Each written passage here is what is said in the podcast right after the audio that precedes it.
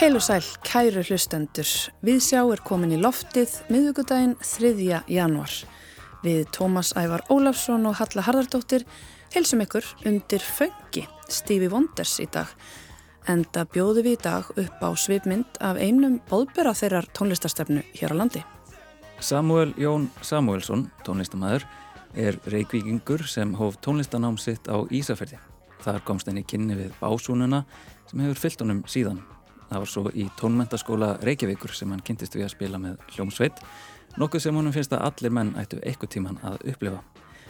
Þar kynntist hann líka tónlistarhefðum sem hafa átt hug hans allan, jazzinum og funkinum. Hann laug kennaraprófi frá FIH árið 1999 og einleikaraprófi árið síðar. Samuel hefur starfað sem atvinnu tónlistamæður frá 1995 bæði sem básunuleikari, tónskáld og útsetjari.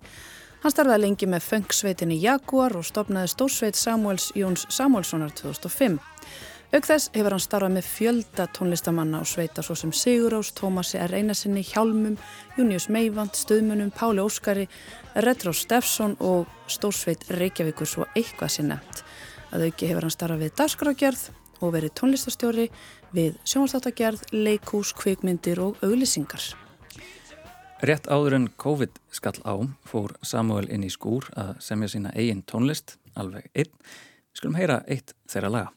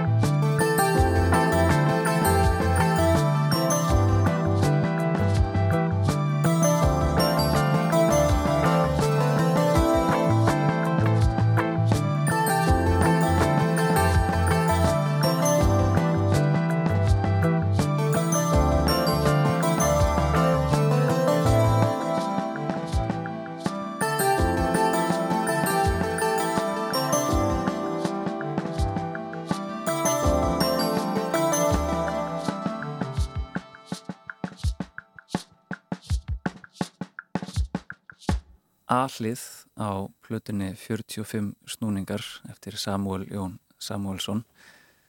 Samuel, velkomin í þáttinn. Takk fyrir. Um, hvers vegna viluru þetta sem opnuna lægið? E, þetta er svona eitt af því síðasta sem ég gerði og gaf út. Uh, þetta kom út 2019 og terfni var, ég var 45 ára og ég hafði gengið með þessa hugmynd í maðanum að gera þegar ég er í 45 ára að gera þá 45 snúninga plötu í telefni Afagans, þar sem að þá hafði ég farið 45 snúninga kringum sólina mm. svo vaknaði ég upp í það svona tveim vikum fyrir amrastæna ég var ekki búin að gera neitt þannig ég lokaði mig af út í skúr í uh, einhver viku eitthvað og, og mér hafði alltaf langað líka til að gera eitthvað þar sem ég gerði allt sjálfur spilaði allt og tækju upp og bara þannig að þetta er sérst útgáða sem ég gerði og gaf út 11. november uh, 2019 45 snúningar á bjellið, tvö lög og finnst bara svona gaman að kannski opna þetta á svona, þetta er svona alltaf persónlegt eitthvað sem að mm -hmm. bara, ég nauti einhverja aðstóðar þarna nema þarna Þú ert einna verki þarna Einna verki, já. já sem er nú kannski svolítið óvanalegt og hefur verið að spila með heldur stórum hljómsveitum Já undanfarna áratíði Ég, hef svona skreitt mig með, með, með góð fólki mikið og, og notið hérna góðra meðspilara heimurinn hefur breyst svo finnst mér líka síðan þetta var 2019 var, maður, var það var rosa mikið að gera þetta ár og alveg fram, að, fram einhvern veginn og svo kom þannig að faraldurinn blessaði, maður byrja nú lasi einhverja fréttir um það verði einhver veira einhver stöðar að skjóta rótum og svo mann ég heyrði viðtal við einhvern sem sagði já þetta mun nú koma hingað og maður trúið því nú ekki. Og svo, svo lokaðist bara heimurinn og, og ég og mínu kollegar við lendum í því að okkur var beinlinis bannað að vinna vinnun okkar og ég hef ekkert gefið neitt út síðan þarna en, en, en þessi breyttu tímar urðu til þess að ég svona fann mér eitthvað annað að gera, ég fór í nám og já, ég mist bara heimurinn einhvern veginn öðruvísi eftir þetta, mist líka að vera svona einhver, einhver, eitthvað, fyrir mér er þetta svona eitthvað minningabrót frá því áður en heimurinn breytist, það hafa komið styrjaldir, tvær ræðilegar og mann finnst einhvern veginn eins og við séum núna eftir einhver tímamót og þetta sé fyrir þessi tímamót. Mm. þannig upplýði ég að En samt svona, e, þetta er kannski spínu fórsmekkur líka þegar þú ert einn aflókaður inn í skúl Já, kannski var þetta eitthvað svona ég veit ekki, einhver spádámur í þessu. Um, en mér er alltaf langa að gera eitthvað svona þú veist, margir af þeim sem að maður svona dáist að Stevie Wonder og misst nöfn sem að hafa gert svona plötur sem hafa gert allt sjálfur og mér langaði svona að sjá hvort ég gæti gert eitthvað, er ekki að reyna að setja mig í sama bóks og, og þeirra mistarverkan en gaman að hérna, gera eitthvað sem að væri bara, bara ég. Og, og ég var svona bara mjög ánað með þetta og ég var líka tókut upp sjálfur og mixaði og svona þannig að,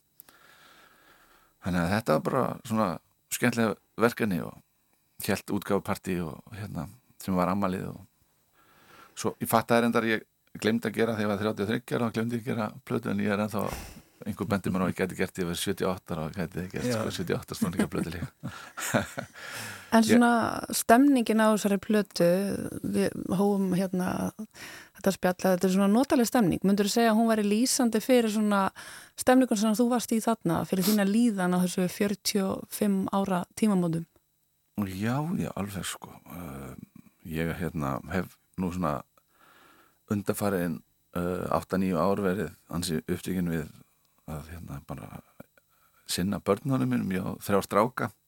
Eitt sem er 8 ára, eitt sem er 6 ára og eitt sem er uh, 20 og eins tvekja mánu þannig að þeir hafa átt svona alltaf mína orku og það var til dæmis bara í morgun sko var fyrsti skóladagarinn eftir jólafrí og maður þurfti að að ræsa sig upp ansið snemma. Kannski heyrist að maður ekki röttin ekki alveg vögnuð sko en Jó, þetta, maður er búin að vera kannski í daldið í svona öðrivissi stemningu og hér svona viljandi kúplaði með hans út úr svona því að vera mikið að þvælast um og spila því ég vildi bara vera meira heima og kannski er þessi litla plata einhver svona eitthvað postkort um, um það líka. En uh, þú eftir að þú gefur út uh, þessa plötu og faraldunni skellur á, á þá talar um að fórst í nám Þetta var, var ekki framhaldsnámi í tónsmiðum? Jú, ég hérna, fór í meistaranámi í tónsmiðum við Listaháskólan og ég nú bara svo heppin að þetta var hérna haustið 2020 þar maður held einhvern veginn eftir sumarið 2020 að það færi allt í gang aftur og eins og við munum kannski og hérna þetta verður allt í lægi og, og svo bara kom þannig að tilkynningum að það verður nú áfram eh, fjöldatak, mér er búin að gleyma sem húttökum fjöldatakmarkanir og ég veit ekki hvað það heitir allt. Eh, þannig ég áttaði mig á því að það er ekkert tónleikahald og svona mína tekju minni svona tekjuliðir sem hafa verið þar eh, svona fórtald út af borðinu þannig ég sendi bref í einhverju bríari, einhverju svona manju eitthvað kvöldið og fór ég að skoða.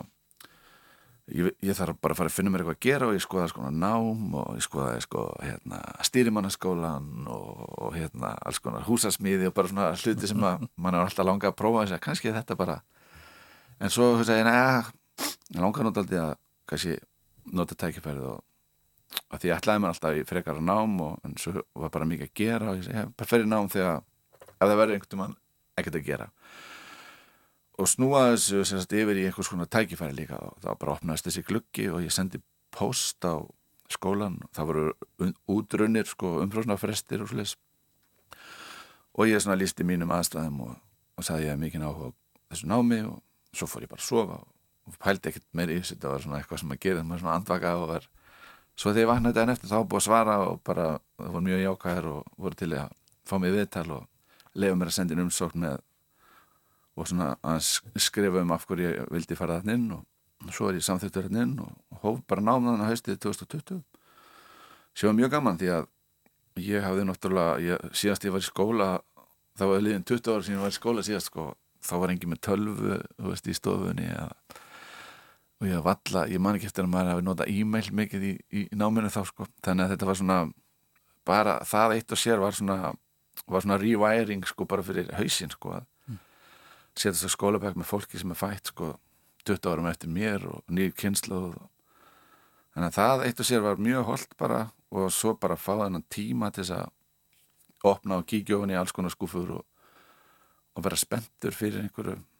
ég, ég saknaði þessa tíma veist, bara núna þegar allt er komið á fullt að, að því það var ekkert að tröfla mann sko atvinnulífið eða slist það var bara maður bara einbett sér að því að vera í skóla og grúska og hlusta og það var bara mjög gaman. Það verður alltaf líka mjög skrítið átt að því að það komur náttúrulega svona dagmarkanir og svona inn í skóla skólan líka sem að maður þurfti stundum að vera heim í tölvunni og en þetta var mjög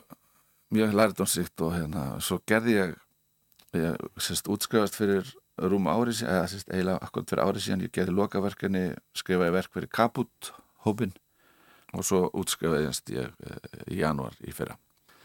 Og það var líka, sko, ég átti í rauninni ég senkaði lokaönninni að því að ég og kona mín vegnust þriða batnið okkar þarna 22 og þannig ég, ég svona hæði á lokaönninni að því að það bara svona vart aldrei mikið einhvern veginn Einmitt, en talandum hérna aðdunulífið og þetta að skipta allt í ennum gýr og kannski þurfa að taka uppeyju mögulega. Ja, ja. Þú hefur haft starfa af því að vinna sem tónlistamæður bara frá því þú útskrifaðist úr áður, úr námi og Já. bara fundið þinn stað svona í tónlistinni um, þú talar um að það hefði kannski farið í smíði eða stýrimannaskólan hefur ekkert um að hugsa, já, hvað að þú væri ekki tónlistamæður, hvað væri það? Já, ég ætlaði mér nú alltaf að vera arkitekt og það var svona eitthvað sem að blundar í mér og, og, og ákveðin hátt er ég starfa ég sem arkitekt sko, þú veist ég ekki skipilega hver hver sko veggir og, og, og hérna þakkantar líka þá er ég meira kannski að útsetja og semja. Það er ákveðin svona tónal arkitektur líka. En ég hafa mikið áhuga á því og, og svona, ég hugsa ég væri nú í einhverju slíku sko, einhverju einhverju, einhverju svona skapandi sennilega hefði ég nú farið að fara í arkitektur sko. Svo langar mann einhvern veginn alltaf að sigla um heiminn þannig að það var nú svona þessi stýrimanna skóla draumur sko. Kannski þetta bara tímin og kannski heimunum bara þú veist, maður vissi ekkert hvað heimunum var að fara kannski bara málega eignast skútu og, og hérna vera sjálfbar þetta var eitthvað svona hugsun sem lætist aftan að manni líka mm -hmm.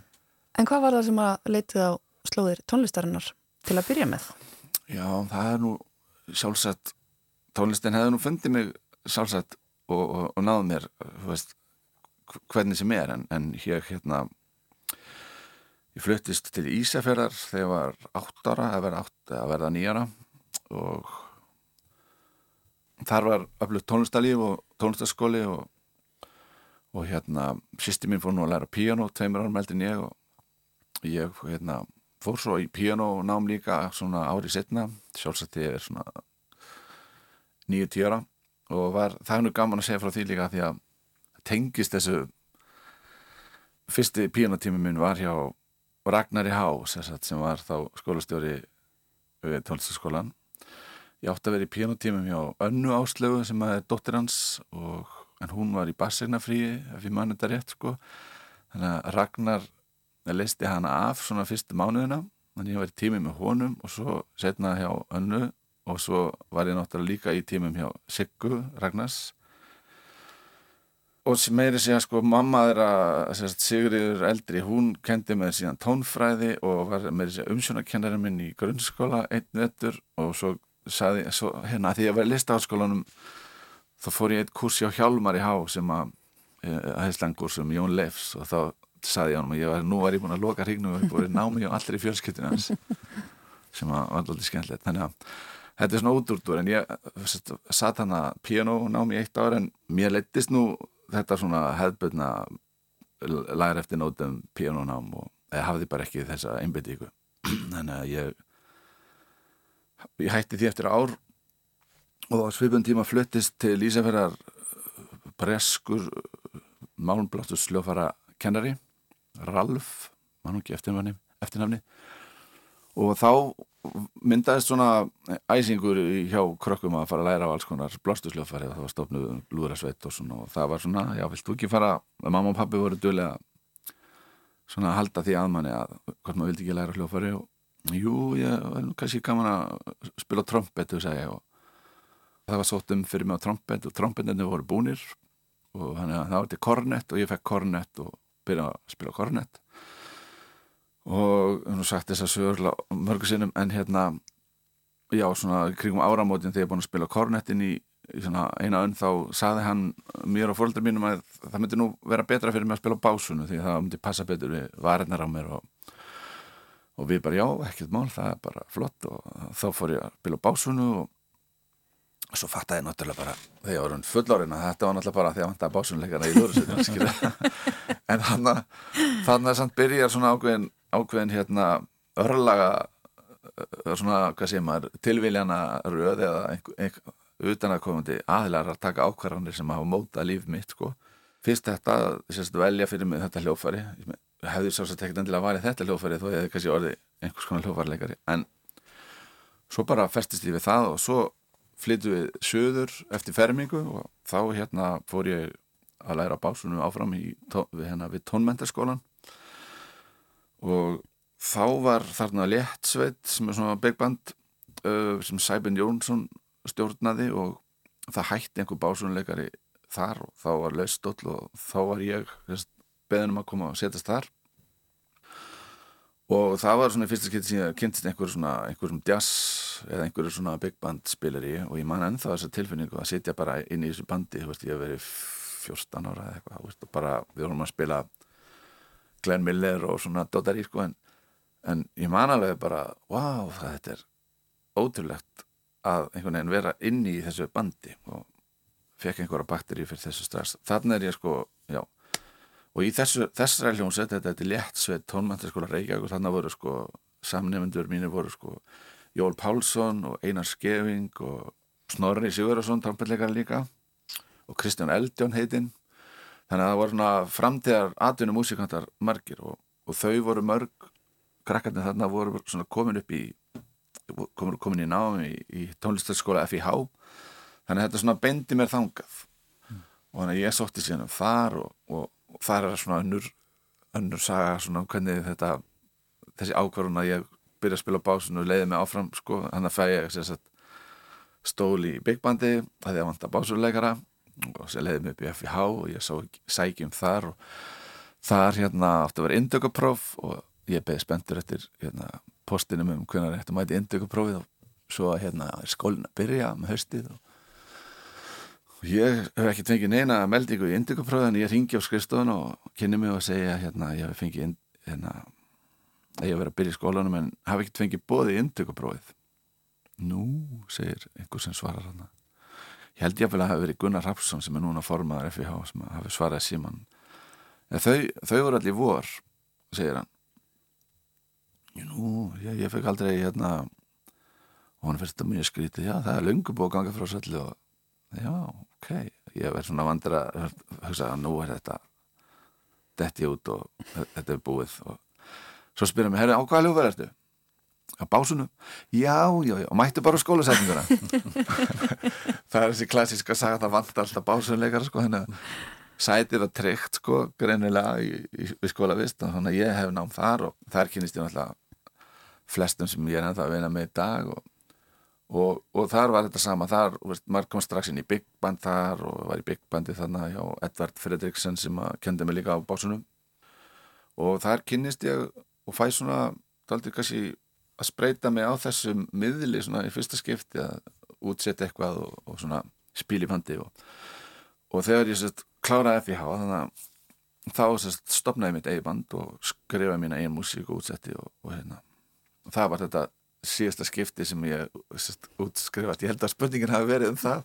Ég var að tala alveg bara já, það, þannig leytist ég aldrei inn í þetta sko, og í FIH kynnist ég aldrei þar kynnist ég þeim sem ég var síðan að setna að spila með í, í hljómsveitum eins og uh, fyrst, fyrsta svona hljóstin sem ég var í var hétt Salgætiskerðin og, og það, við gáum út plötu 95 og ég veila verið svona síðan þá sennilega neða kannski ég bjó nú í hérna fóldrahúsum til svona, það hugsa ég, 98 þegar flytta heimann og hún staðið að einn fótum svona í 25 ár sem mm -hmm. aðeins musikant sko og hennu bara hans er stoltur af því og maður hefur náttúrulega notið velvildar bæði hérna og þetta á maður sko fóreldra og tengda fóreldra sem hafa hjálpað manni og, og hérna maður hefur fengið hérna styrki og, og, og hérna starfslaun og svo leiðis líka en, en, en hérna Já, ég hef verið svona frílandsstarfandi músikant í 25 ár. Mm -hmm. en, Hvernig voru svona fyrstu árin af því? Eða, þú, þú kemur svona úr skólanum og, og, og ferð svona að já, reyna þíðan einhverja peninga á tónlist. Hvernig, hvernig gekk það svona? Það gekk bara förðu vel og það var mjög fljótt, bara mikið að gera einhvern veginn hjá mér. Ég veit ekki alveg, ég hef verið mjög heppin að hafa nóg að gera og, og hérna, vinna með bara skemmtileg fólki. Ég hérna fór, hafði mikið áhuga að gera meira en að spila á hljóðfari og útsetja og svo leiðis og við gerðum líka, ég stopnaði svona hljómsett sem að með vinnum minn sem að hétt Casino og við vorum að spila svona easy listening, svona cocktail hérna, fílikur, spilaðum Burt Bacharach og, og hérna Henry Mancini og, og svona alls konar skemmtilega svona músíki þeim anda. Og gegnum það þá hérna fengum við svona steady gig á stasi hér Ingolskafi sem var starfætt á og þar var hérna Páll Óskar að spila mikið og DJ og herði ég okkur og við kynntist honum og þar var úr samstarf og við gerum plötu með honum sem kom út aðna 98 og þar gerði ég fyrsta skipti svona strengja útsendingar. Og svo einhvern veginn var það alltaf þessi, ég ætlaði mér alltaf að gera meira, svona, alltaf haft mikið áhuga á svona orkestral og svona stærri stærri hérna hljómsveitum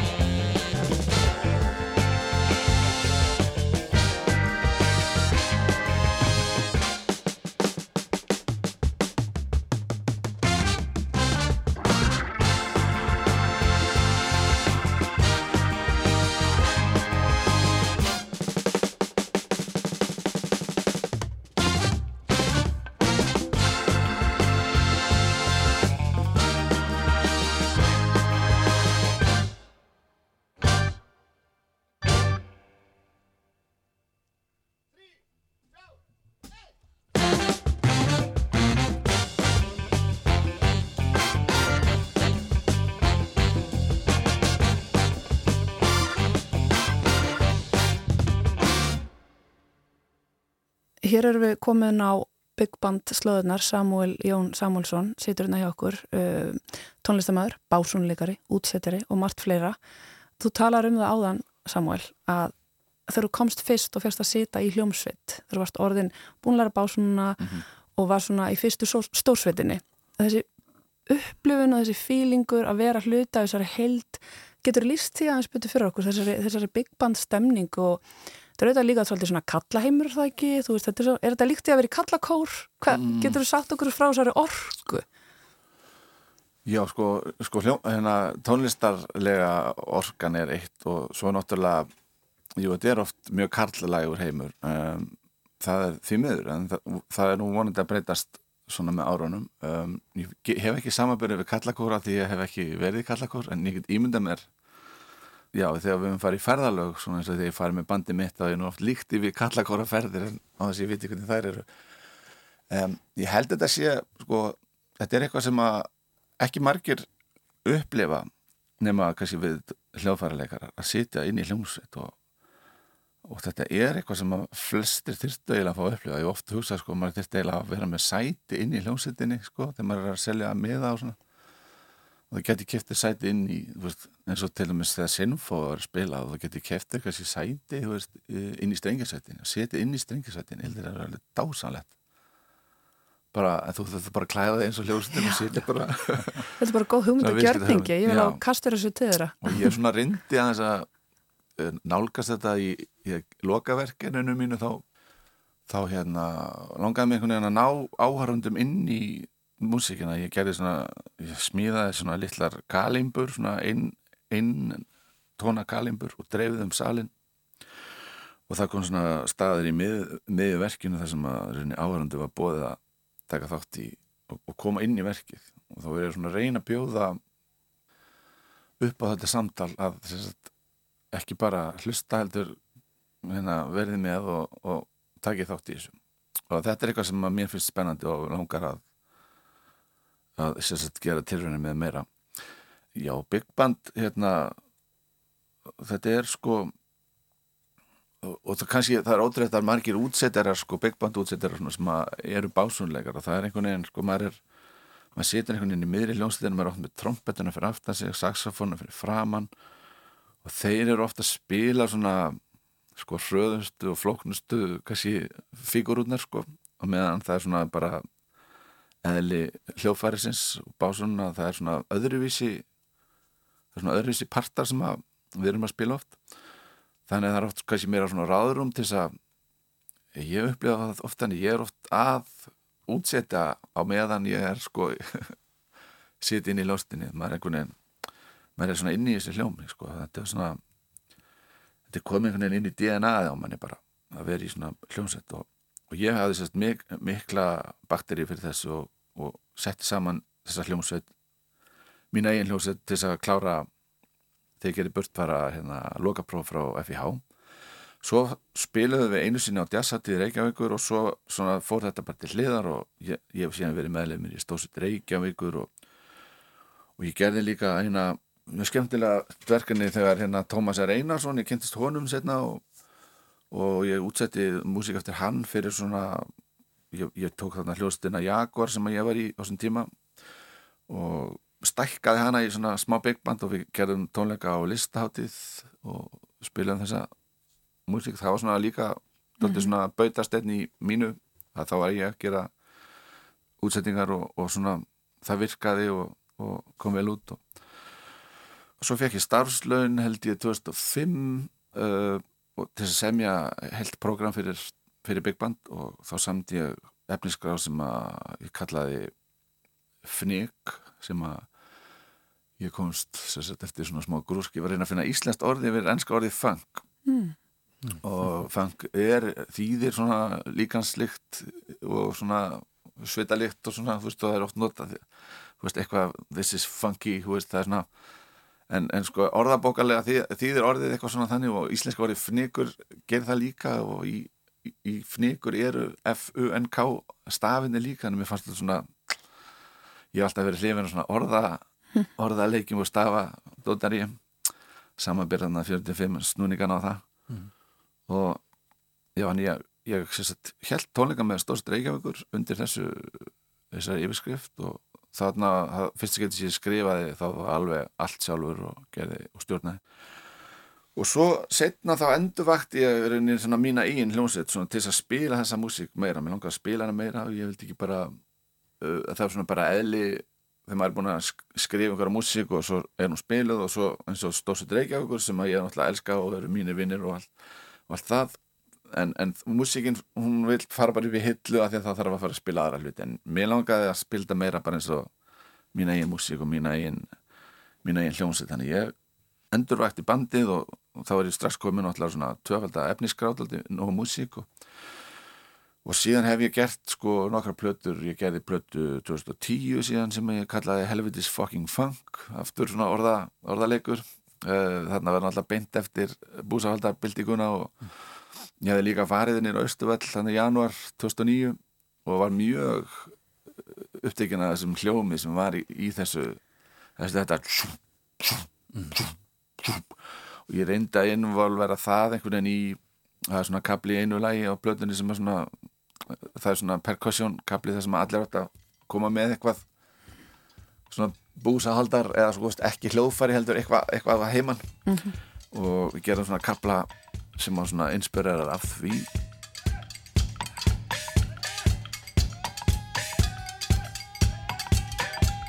Og svo gerði ég setna plötu sem heitir Fjóra hliðar og það var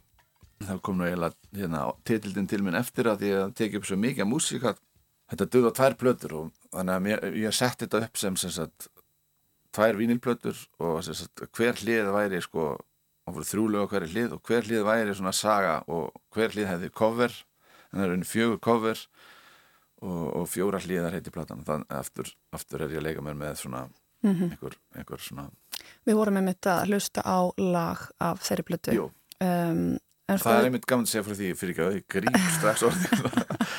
að lagi heitir sko ekki stela Afrikafólkinu og það er líka orða sagt, stafa sagt, þú, það er hægt að lesa þetta sem ekki stela af ríkafólkinu en þetta er svona kannski til þess að fá fólk að hugsa um hvernig ríkafólki hefur orðið ríkt og, hérna, og Evrópa, okkur Evrópa er svona rík að hún alltaf stál fólki frá Afríku og, og hérna fór ílla með það og arðurændi og ég hef vissilega spurt sjálf að mig sko að þeirri hvort að ég hafi jáfnvel gerst segur um svona menninganám sem er húttak sem hefur poppað upp sérstaklega undarfærin ár og ég hef svona rætt þetta við kollega mín á en ég hef nú lítið á þannig að ég sé frekar að reyna að breyða út og, og hérna smita fólk af sérstaklega ástriðu fyrir þessari músík heldur en að ég sé einhvern veginn að mhm. misnóta aðstöðu mína en mm. auðvitað sér maður ekki heiminn sko nema með sínum eigin augum og það er kannski annar að dæma Þú ert allavega meðvitaður um þetta og hefur verið ykkur naflaskoðun en það má alveg segja að þú átt stóran hluti að færa fengið til Íslands. Já, vissulega og það er svona, þetta er oft svona, þetta er svona trúbóð sko, ég stundum líktis við það að maður er stundum hugsa maður sko, það er, maður er að gera eitthvað maður er brjála ástriði fyrir einhverju og maður er að skipilega einhvern viðburð og, og svo koma, veist, jú það koma kannski 30 eða koma 60 manns eða eitthvað og maður er svona, ah, hvað er ég að standi í þessu? En svo þarf maður snöðum að spóla tilbaka á þess að af hverju er maður aðeins, maður er ekki að þess að til þess að spila fyrir 2000 manns eða, eða 10.000 manns heldur, maður er aðeins fyrir músíkina á fyrir sjálfan sig og ofta er það þessi eini sem kemur eftir tónleika eða þú rekst á einhver stórn út í bæ sem að segja þeir að þar sem þú hefst að gera hefur hreift við þér eitthvað og það, þessi eini aðili sem að þá hugsa maður, ok, ég er að gera eitthvað sem að skiptir einhvern máli og það er alltaf gaman að fást þannig, þannig hrós sko. Mm -hmm. En já, það er kannski líka eins konar svona dulin, dulin blessun á, á fjóra hliðarplötinni þar sem að einna svona frumkvöðlum uh, afróbít tónlistar spilar þarna á með í einu lægi þannig að það, þetta er meira emitt, myndi ég segja, alltaf frá mínum með mínum glerum uh, samstarf. Já, það var náttúrulega algjör fantasía sko, þannig að ég að kynst tónlist sko Fela Kuti sem var nýgarískur tónlistamæður og sem starfætti æðislegar hljómsettir á,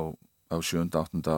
áruntörum um, og trommarinn hans í svona, svona gullaldar tímabili hittir Tony Allen og ég, hann sagt, hafi flust til Parísar uh, sennilega svona, svona setni hluta 8. áratugurins og yfirgaf hann hljómsveit Felakuti fluttist til Parísar og svo eru við einhvern veginn í New York uh, Jaguar að spila við sendir þangað á vegum ykkurs svona Æsland hérna, ég man ekki hvað þetta hétta þessum tíma, Udaríkis Polísíu, það var, var eitthvað vikingarskip að sigla til New York til að minnast hérna landafundana 2000 og það voru sendar hérna þrjár hljómsveitir Ísland, íslenskar til að spila hérna á bryggjunni við, við Manhattan sem var mjög skemmtileg færð en, en ég hef náttúrulega notað tækifæri og fór í plötubúðir og ég rækst hann á plötu með Tony Allen sem að ég kannast við nafnið og kefti hann á æðislega platta sem að heitir Black Voices. Og bara fjall alveg fyrir og konsta því að hann var bara fullu fjöri að gera gegja músík og svo hafði fylgst með honumdaldið og svo setnað voru við einhvern veginn að spila í uh, Jakor er að spila í London á stað sem heitir Jazzcafé og þar, þar var hann að spila með sína hljómsett kvöldi áður og svona, svona byrjar að þrengjast hringurinn einhvern veginn og, og svo er ég að spila einhvern tíman með mitt band í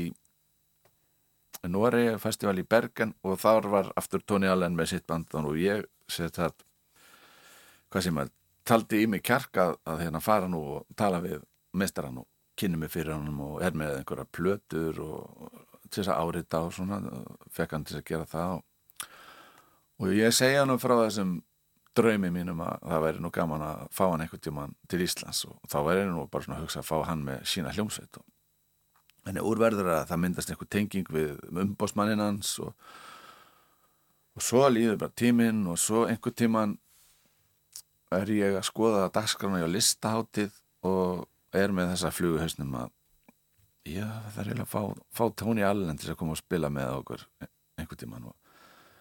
og ég er að skoða dagskrana á listaháttið þetta er 2011 og ég, það er engin listamæður frá Afríku á, hérna, á dagskrani ég sendi post á skrifstofn og segja, já já nú er ég með hérna tilbót til ykkar sem að ég geti ekki hafnað. Ég geti bóðið upp á hérna tónleika með einni skærstu stjórnu Afríku og þið þurfi bara að kaupa hérna, flytja inn einn aðila og ég skaffa ljónsettina og úr var það hann kom hérna og, og við æfðum með honum og bara kynntust honum og alveg ótrúlegur öðlingur og spilaðum með honum tónleiku í, í Norðurljósum á, á listáttið og það var bara alveg ótrúlegt. Hann bara varði einhvern veginn bara einn af bandinu og var bara trommarinn í bandinu og,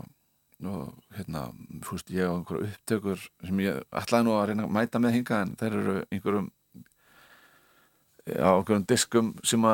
eru út í skúr og ég hafði ekki alveg tíma til að finna. En þetta var alveg stórkastlega æventyri og svo ætlaði við nú alltaf að gera eitthvað meira saman og alltaf var þessi svona hugmyndi uppi en svo bara því miður uh, gafst ekki tækifætti þess og hann lest nú hérna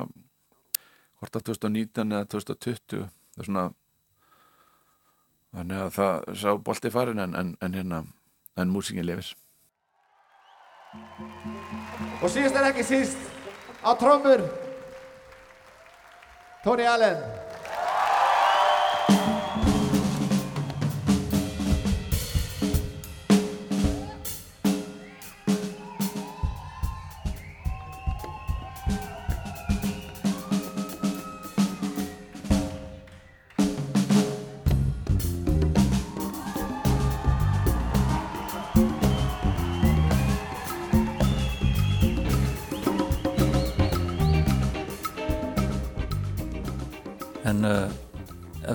vikjum það að kannski Jaguar mm. sem er hljómsendin sem tók þið þannig til New York og,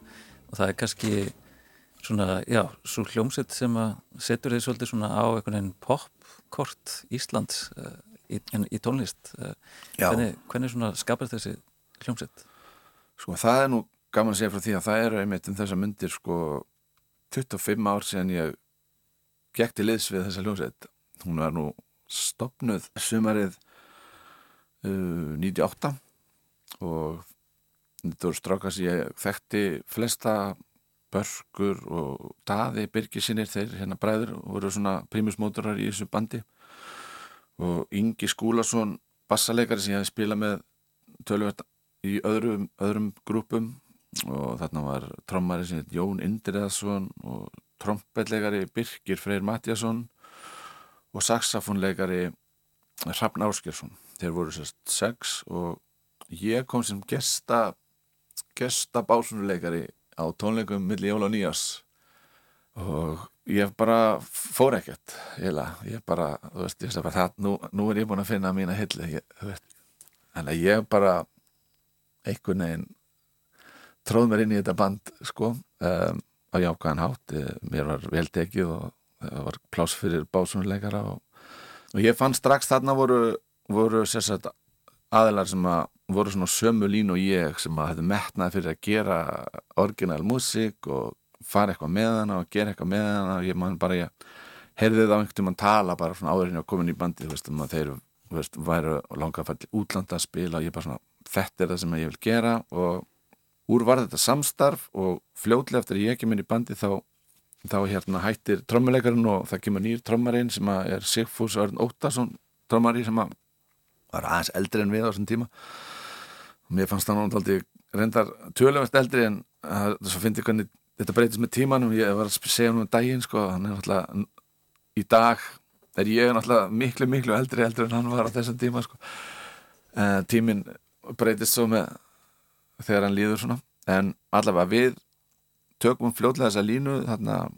að við ætlum að leggja áherslu á að frumsami dótt og byrjum að semja og hæfa og gefum út fyrstu plötuna okkar hérna 99 sem er, sérst, sem er það akkurat á, í, í haust. Þá er alveg 25 ár frá því. Og svo bara já, þetta verður svona aðal, aðal bandið og, og fljóðlega svona eftir, við erum bara að gera tvær plötur þá byrjum við svona að experimenta með svona vokalpælingar og einhvern veginn ég fer að syngja og verður allir orðin söngverðin í þessu bandi og syng þarna já, við gefum út plötu 2004 sem að heitir Hello Somebody og það var svona doldið, alveg nýtt fyrir mig. Veist, það var alltaf bara svona frontmaðurinn í bandinu og, og það var nú svona eitt af svona bautasteinum í og hábundum á mínum ferli var líka þegar við vorum ráðnið til þess að hitta fyrir James Brown í, í hérna lögatasallinni sem var náttúrulega algjör draumur og hittum hann og, og þetta er svona band sem að starfaði var mjög aktíft í svona 5-6 ár og þángu til svona 2005 þá verða mannabreitingar, þá hættu þeir bræður. Og við heldum áfram í einir og, þá kom aðri bræðurinn og þá gerðum við hérna, þá komum Óskar Óskar Guðjónsson og hann hafði nú verið að spila tölvört með okkur og hann kemur svona inn sem fastum meðlumur og bróður hans Ómar kemur inn á gítar. Og þannig verður bandið svona næstu ár og þannig gerum við eina blötu sem að heitir Shake It Good, hún kom út 2007 og á henni er einmitt loka lagið sem að mér langar að lefa ykkur að heyra á eftir. En það er einmitt á því lagið sem ætlum að enda þessa góðu svipmynd. Uh, hvaðan, hver er staðan á baka þetta lag? Já, þetta er sko uh, ég, þetta er um konuna mína og ég þú kannski svona persónasta lag sem ég hef búið til og, og, og sungið í þokkabót. Um, ég kynnist henni þarna fyrir við, það er önnur tíma mót við hefum akkurat 20 ára samveru aðmælum þessa myndir og það er, við erum að spila á uh, diskokvöldi Margers, hljómsveitin Jakar var svona, svona gestur og spilaði. Og það er eiginlega svona kveiknaði einhver nesti sem að sem að hefur ekki sloknað síðan. Og, og svo samtíð þetta lag um um hana og okkar svona skott og já, þið verður bara rínið testan en þetta er sérstaklega Diskodiva með Ljóstin Jakobs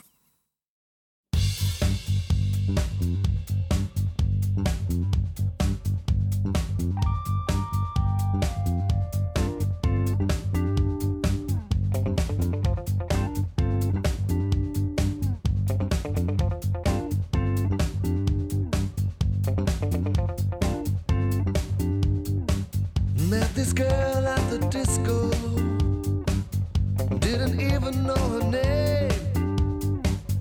started pumping and jumping to a beat. And I think she felt the same, oh yeah. Suddenly we started dancing. She moved her body next to mine. Before we knew it, we were kissing, talking dirty with our tongues. I believe it was past midnight. It was getting 509. Got a taxi, took her home, straight to my place. She's my dance.